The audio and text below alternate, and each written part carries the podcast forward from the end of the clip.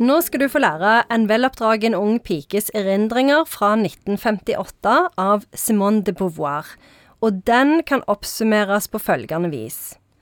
Simone de Beauvoir gasser på og blir en akademisk helt, men syns sjøl at hun bare er nest best. Skriver hun om seg sjøl? Ja, hun kalte det for en sjølbiografisk roman. Så det hun har gjort, da, det er at hun har funnet litt på, og så har hun brukt sine egne erindringer, da. Eh, og så forteller hun om sitt eget liv fra hun ble født, og fram til hun tar filosofisk eh, grad, eller sånn, eksamen, da. Så hun, det er liksom tre ting som hun har etablert på slutten. Det er at hun har eh, tatt eh, filosofisk eksamen. Hun har blitt økonomisk uavhengig, og hun har møtt Jean-Paul Sartre. Og når hun møter han, så er hun liksom sånn Å, søren òg, han er mye lurere og smartere enn meg.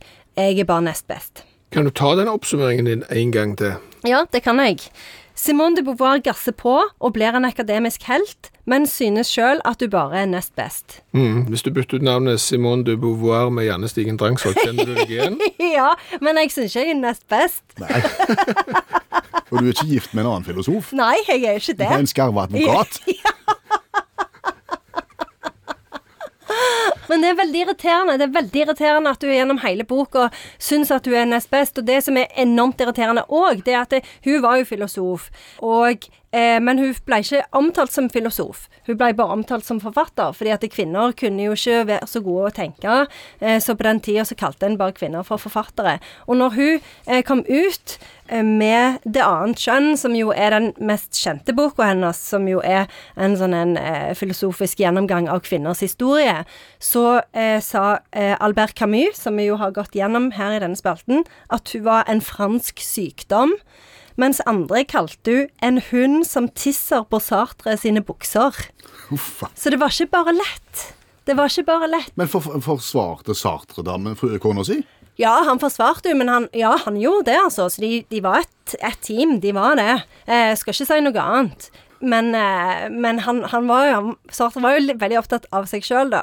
Så han var jo mest opptatt av Det det. er mulig det sklir ut noen om disse hadde unger. Nei. Nei, det tror jeg var lurt. Ja.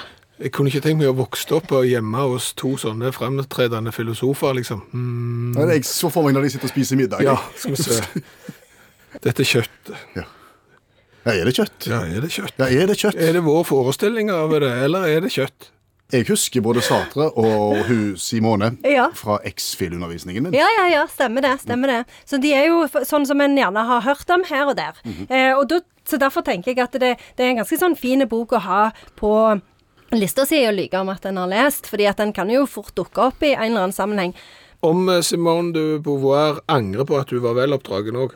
Ja, jeg tror hun angrer litt på det. Jeg tror hun gjør det. Og så er det jo, for det jo, hun er jo i um, eh, eh, en sånn en familie som er ganske sånn eh, borgerlig, og hvor det er ganske sånn klaustrofobisk å vokse opp. Sant? Du har ikke så enormt sånn stor eh, armvidde. Så, det, så det, er, det er nok sånn at hun føler ofte at hun blir låst inne både av liksom tradisjoner og samfunnet og alt som fins. Da vil jeg gjerne be om et sitat fra boka. Ja. jeg har eh, dette. eh, som hun sier rett etter at hun har vært eh, i Luxembourgparken med Jean-Paul, da, og finner ut at hun er underlegen. Da sier hun dette. Jeg er ikke lenger sikker på hva jeg tenker, eller om jeg i det hele tatt kan sies å tenke. Så knust ble jeg av å snakke med Jean-Paul. Jo, men hvis de snakker sånn sammen sånne, med sånne setninger som det, så tror jeg hver en og en hadde blitt knust. Og gått på en smell tidlig. De har enormt dårlig humor. For at i den andre boka hvor hun skildrer forholdet deres, så er det ofte sånn at de går ut, og så liksom later de som om de er sånn vanlige arbeidere. Og da snakker de sånn litt sånn som dere sammen. Bare litt sånn Hva har du gjort på jobben i dag, da? sånn liksom de dumme. Oi De dumme som gidder å jobbe. Klarer du å oppsummere dette verket? Fra denne tenketanken her. Ja. eh, jeg lurer jo på om vi kanskje kan eh, oppsummere det med at når du da er ungdom, og tror at alt du gjør på ungdom og videregående skole kommer til å få konsekvenser for deg resten av livet, eh, så gjør det ikke det. Ja, jeg syns det er veldig godt oppsummert. Faktisk. Da sier vi det sånn. Men jeg må legge til at jeg anbefaler veldig boka, altså. Ja. ja, ja, jeg gjør det, for den er helt sykt bra. Eh, og det er sånn ei bok som jeg faktisk Lenge siden jeg leste den, selvfølgelig. Eh, men jeg bærer den med meg og tenker på den hele tida. Så jeg anbefaler alle å ta den fram. Tusen takk, Janne Stigen Drangsvold, forfatter og litteraturviter.